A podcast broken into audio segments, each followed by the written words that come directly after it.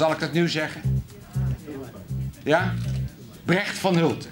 Het is mij een genoegen u te mogen bekendmaken dat de Philip Bloemendaal prijs voor het jaar 2004 is gewonnen door Lucella Carasso. De winnaar Wouter Zwart. Sophie van Eem. Allemaal af, zijn, go, nu. Saskia Houtijn.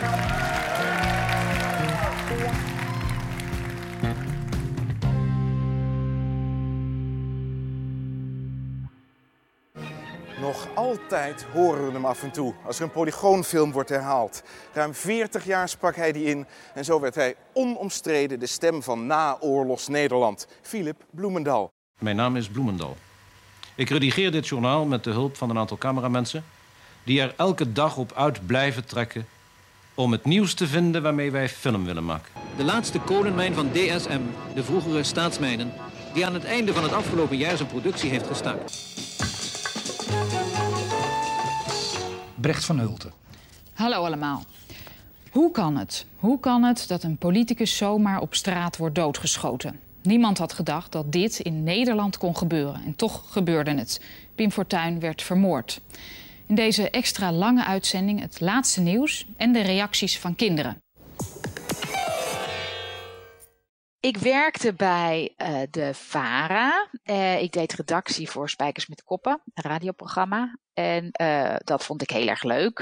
Um, en daarvoor had ik ook allerlei redactiefuncties gehad. Maar ik dacht, is dit het nou? Ik wilde meer. En um, toen op een gegeven moment kwam een collega naar mij toe en die zei: Heb je die advertentie in de krant gezien dat ze een uh, opvolger zoeken voor al dit Hunkar? Die presenteerde toen het Jeugdjournaal. Uh, en ze zei: Dat lijkt me echt wat voor jou. En dat heb ik even laten bezinken. En toen dacht ik ineens: Ja, waarom niet? Um, en toen ben ik al, heel snel een bandje gaan opnemen. Dat heette toen nog een bandje. Um, dus heb ik een camera geleend bij de VARA. En uh, ben ik thuis op mijn knieën op de grond gaan zitten. Zodat ik had de camera op tafel staan. En heb ik wat in de camera verteld. En um, ik was er inmiddels achter dat de sluitingstermijn al uh, was geweest. Dus ik was eigenlijk te laat met reageren. Dus ik dacht, ik moet dat bandje gewoon maar persoonlijk gaan brengen op een zaterdag naar de redactie. En het aan de eindredacteur of hoofdredacteur zelf overhandigen. En dat heb ik gedaan. En toen hadden we nog een leuk gesprekje. En ik dacht, nou, met een beetje geluk neemt hij toch de moeite om er nog naar te kijken. Want ze hadden nog geen, uh, geen kandidaat. En uh, nou ja, toen werd ik uitgenodigd voor een screentest. En met een heleboel anderen. En uiteindelijk, lange procedure, ben ik het geworden als ik echt voel dat ik iets wil, dan, ja, dan, dan, doe ik alles wat in mijn macht ligt om dat te bereiken. Het is niet zo dat ik over lijken ga. Maar het is wel zo dat ik een enorme drive heb dan om te zorgen dat dat gaat lukken. Ik, uh, ik heb het eigenlijk vrij recent nog gehad. Uh, nou ja, twee jaar geleden. Toen ik um, dus helemaal fan werd van een danser. Een uh, beroemde, wereldberoemde klassiek balletdanser. Een Oekraïner. Sergej Polunin heet hij. Het is een heel bijzonder moment. Ja, jullie zijn ongelofelijke lucky bastards, want er staan buiten heel veel mensen die niet naar binnen kunnen. Maar jullie hebben een plek.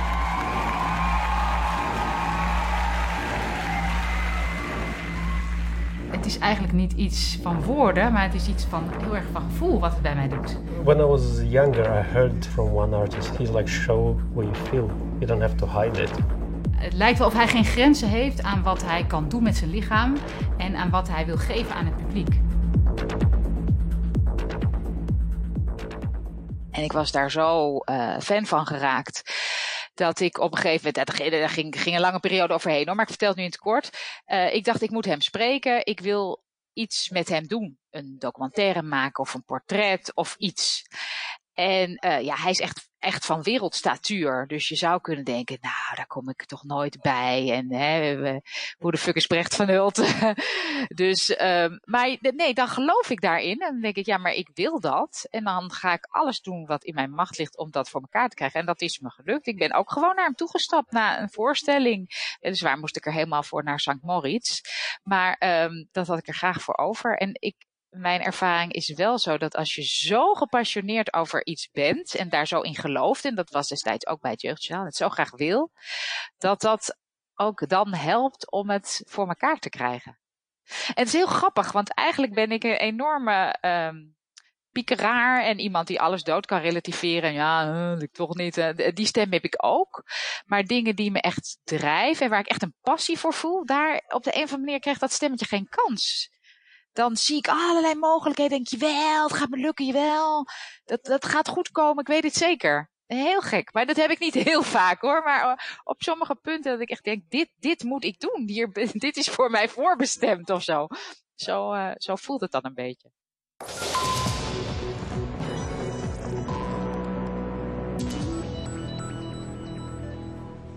Goedemiddag, hartelijk welkom bij deze Prinsjesdag-uitzending van de NOS, rechtstreeks vanuit Den Haag.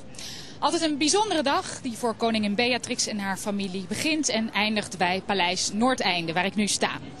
De koningin is natuurlijk al binnen en hier buiten staan heel veel toeschouwers. En voor hen is het zien van de koninklijke familie altijd het hoogtepunt van de dag. Maar eigenlijk gaat het vandaag natuurlijk om de troonrede die de koningin straks gaat voorlezen. En daarin staan de plannen van de regering voor volgend jaar. Uh, al die jaren bij het Jeugdjournaal werk je op dezelfde vloer als het, het GMJ, noemde het, hè, het uh, Grote Mensenjournaal. En, um, en, en je werkt met die mensen. Dus, dus ik wist heel goed hoe dat werkte daar het verschil is dat je bij het journaal ben je echt sec-presentator. En je gaat natuurlijk over je teksten. Maar je schrijft ze niet zelf. En je gaat doorgaans niet. En je maakt in ieder geval zelf geen items. Uh, dus dat was in die zin makkelijker.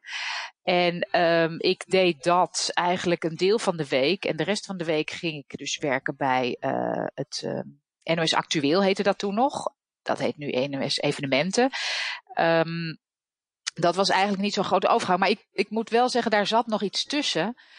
Uh, want ik kon doorstromen naar uh, het journaal. Hè. Ze vroeg of ik dan een nieuwe Maartje van Wegen wilde worden bij uh, NOS Actueel. Maar tegelijkertijd had ik een hele erg grote wens om bij Goedemorgen Nederland te werken. Dat vond ik een heel leuk programma. En ik had daar screentest gedaan en daar wilden ze hem hebben. En ja, dat is toch een beetje een soort talkshow waarbij het gaat over allemaal culturele dingen, maar ook het nieuws. Hartelijk welkom bij Goedemorgen Nederland. Het is dinsdag 22 november, de dag waarop de christendemocratische Angela Merkel de eerste vrouwelijke bondskanselier van Duitsland wordt. Het leek me zo leuk om dat programma te doen, maar het leek me ook aantrekkelijk om bij NOS Actueel verder te gaan. Dus dat was een dilemma. En toen zei de NOS heel aardig en fijn voor mij die zeiden, weet je wat, ga jij nou eerst Goedemorgen Nederland doen? Dan detacheren we je, hoef je niet uit dienst. Ga je daar vlieguren maken, interviewen, leren, al die dingen. En dan kom je gewoon, als je er klaar voor bent, kom je terug naar NOS Actueel. Uh, en dat heb ik gedaan. Dus de, de, en de stap van Jeugdjournaal naar Goedemorgen Nederland was wel vrij groot. Uh, want bij het Jeugdjournaal was toch vooral ja, nieuwsberichten schrijven, nieuwsitems maken, stand-uppers doen, OutQ lezen. En bij Goedemorgen Nederland ja, moest ik gewoon echt volwaardige interviews doen. Ook met politici, met fractievoorzitters die eromheen draaien. En dat was echt nieuw. Um, je hebt dan iemand, de, de fractievoorzitter van, van D66 komt, want, want het is verkiezingstijd. Uh, dus je moet je daarin verdiepen en zorgen dat je die kritisch bevraagt, zodat ze niet hun partijpolitieke standpunten uh, af kunnen riedelen. Uh, dan komt er iemand die heeft een boek geschreven, dat moet je gelezen hebben. en dan komt er nog iemand praten over of, ik noem maar wat, mobiele telefoons, dat is een onderwerp wat ik me herinner uit die tijd, mobiele telefoons en die straling, of dat gevaarlijk is voor je gezondheid. Dus daar moet je ook wel echt induiken. Dus het is, ja, je moet je in korte tijd in heel veel verschillende onderwerpen inlezen. En de kunst is eigenlijk om dat wel goed te doen, maar ook weer niet te veel, want je kan het ten eerste niet kwijt en ten tweede werk je dan over de kop, want dan duizelt de informatie je, terwijl je ja, je moet eigenlijk net voldoende weten, niet, niet te weinig, maar ook niet te veel om zo'n gesprek een beetje goed te kunnen doen.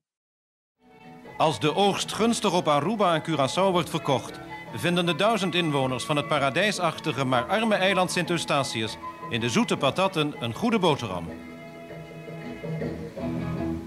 Philip Bloemendal onverwisselbaar. En dat is niet alleen doordat we dit geluid ruim 40 jaar hebben gehoord, een record dat het Guinness Book of Records haalde.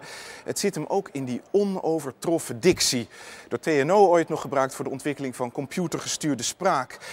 En het zit hem in dat licht metalige van het geluid. Dat in de tijd van opname zelfs al iets had van oude grammofoonplaten. Het is het geluid geworden van de weemoed. De prijs die vandaag wordt uitgereikt fungeert, zou je kunnen zeggen, als een brug tussen verleden, waarvan de Polygooncollectie getuigt, en heden, waarin makers, jonge makers, in een voortdurend veranderend medialandschap moeten communiceren en waarbij, althans, dat wil de prijs stimuleren, zorgvuldig en doelmatig taalgebruik. Nou, een leuk gevolg van het winnen van die prijs was dat ik te gast mocht zijn bij Barend en van Dorp. Dat was natuurlijk toen het grote, de grote talkshow. Een beetje de wereld draait door van twintig jaar geleden. Um, en dat vond ik ook heel eervol en leuk en spannend met Jan Mulder. En uh, ik was er eigenlijk, ging er super relaxed naartoe. Maar ik vond het heel leuk dat ik daarover mocht praten. En uh, dat een programma als het Jeugdjournaal. Want ik heb altijd heel erg achter dat programma gestaan. En ook, ik heb altijd heel graag een ambassadeur willen zijn. En eigenlijk nog steeds van dat programma. Want ik vind het gewoon zo'n goed en belangrijk programma, het Jeugdjournaal. Nog steeds. Dus ik was heel fijn dat, ik, dat ze dat programma serieus namen. En dat dus een Jeugdjournaal presentator gewoon dat podium kreeg. En daarna, ik heb twee hele mooie masterclasses mogen doen met het geld wat ik uh, met die prijs gewonnen heb. Dus daar heb ik zeker een masterclass die ik met Yvonne van der Hurk heb gedaan, heb ik heel veel profijt van gehad. Hartelijk welkom bij Kassa, elke zaterdagavond live. Wie zorg nodig heeft, kan in een enorme bureaucratie terechtkomen. Dat is bizar genoeg inmiddels wel bekend. Maar zelfs als het budget wel is toegekend, betekent dat nog niet dat je het ook krijgt.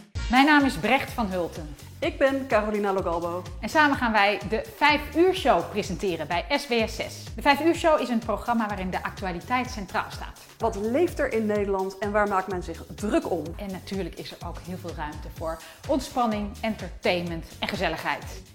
Als ik zou moeten kiezen tussen alles wat ik tot nu toe gedaan heb. Um, ja, dat is eigenlijk niet te beantwoorden, omdat ik ook heel duidelijk zie dat elk programma wat ik gedaan heb, paste bij een levensfase waarin ik zat.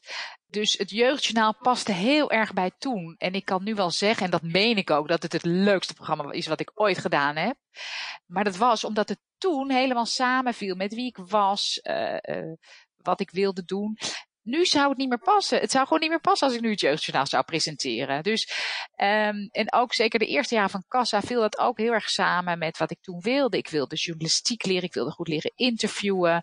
Uh, ik wilde uh, een groot live programma leren, presenteren. Ik wilde een baan die ik goed kon combineren met twee kleine kinderen, waar ik vrijheid had en veel vrije dagen. Dus dat paste heel erg in die fase van mijn leven. En uh, ik ben nu heel gelukkig bij de vijf uur show, omdat het past in een fase nu van mijn leven waarin ik die hardcore journalistiek heel graag een beetje laat waaien. Um, en me meer richt op uh, positieve onderwerpen, kunst- en cultuuronderwerpen. Uh, het is een programma waarin ik meer mezelf kan laten zien. Daar ben ik nu ook aan toe. Dat durf ik nu. Dat durfde ik eigenlijk de afgelopen tien jaar bij Kassa veel minder. Dus in die zin vind ik het moeilijk om te kiezen. Als ik nou, als je de vraag stelt, wat zou ik hè, in een ideale wereld, en ik zou het voor het zeggen, wat zou ik dan kiezen? Uh, dan zou ik toch nog een soort tweede Polunin project doen. Met een andere persoon of een ander onderwerp waar ik helemaal voor ga. Ik ben bijvoorbeeld enorm fan van Brene Brown en haar boeken. Dan zou ik op haar alles in het werk zetten om haar, met haar iets te doen en daarvan een programma te maken. Dan zou ik daar, ja, uh, dan zou ik dat doen. En dan wil je ja. misschien weten, waarom doe je dat dan niet? Uh, nou ja, het is natuurlijk, een heleboel dingen zijn heel leuk om te ondernemen, maar er, ja, op een gegeven moment moet er ook gewoon brood op de plank. En ik kan allerlei ideeën verzinnen, maar zolang het allemaal in de ideeënfase blijft, en, uh, verdien je geen geld. En soms uh, ja, is, vind, is dat lastig om daar dan toch in vol te houden. Kijk, dat Polonie-project kon ik heel goed combineren met kassa, want dat gebeurde in mijn drie vrije maanden in de zomer. Um, als je echt zegt, nou, ik zet het gewone werk opzij en ik ga kijken of ik helemaal zelf iets van de grond kan krijgen, zonder garantie of, of verdienmodel vooraf, um, dat moet je durven. En um, daar, ja, kennelijk is dat voor mij nu niet zo belangrijk dat ik zeg, uh, daarvoor stop ik met de vijf uur show. Positief geformuleerd. Uh, ik vind de vijf uur show zo leuk dat ik denk, nou, ik haal hier nu zoveel uit uh, dat ik die andere projecten nu niet nodig heb.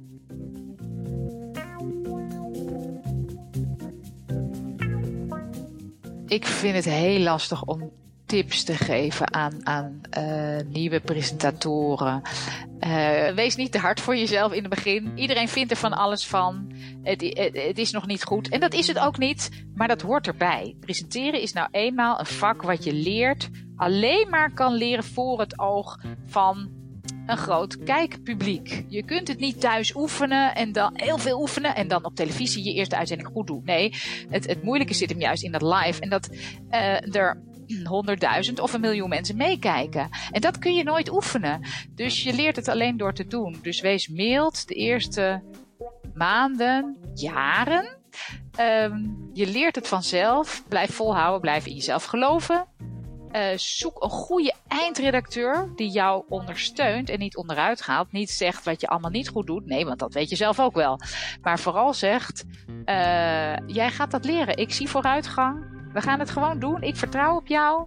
Jij gaat dit gewoon doen. En uh, moet je eens kijken waar jij over een jaar staat. Deze podcast wordt gemaakt door Van Horen Zeggen Audioproducties. Artwork Studio Troost. Abonneer je nu, zodat je geen aflevering hoeft te missen. En laat een review achter, zodat de podcast makkelijker te vinden is voor andere luisteraars. Op 9 december wordt de Philip Bloemendalprijs 2020 uitgereikt. Volgende keer radiopresentator Lucella Carrasso. En de grootste valkuil is dus dat je als presentator iemand na wil gaan doen. Dat gaat mis, dat horen mensen ook. Dus uh, ik zeg ook altijd, blijf zo dicht mogelijk bij jezelf. Uh, dan is het wel belangrijk om jezelf te kennen natuurlijk. Maar als jij iemand of een stijl van iemand na gaat doen, dan ik, ik hoor het in ieder geval onmiddellijk. En ik denk dat uh, het gros van de luisteraar dat ook hoort.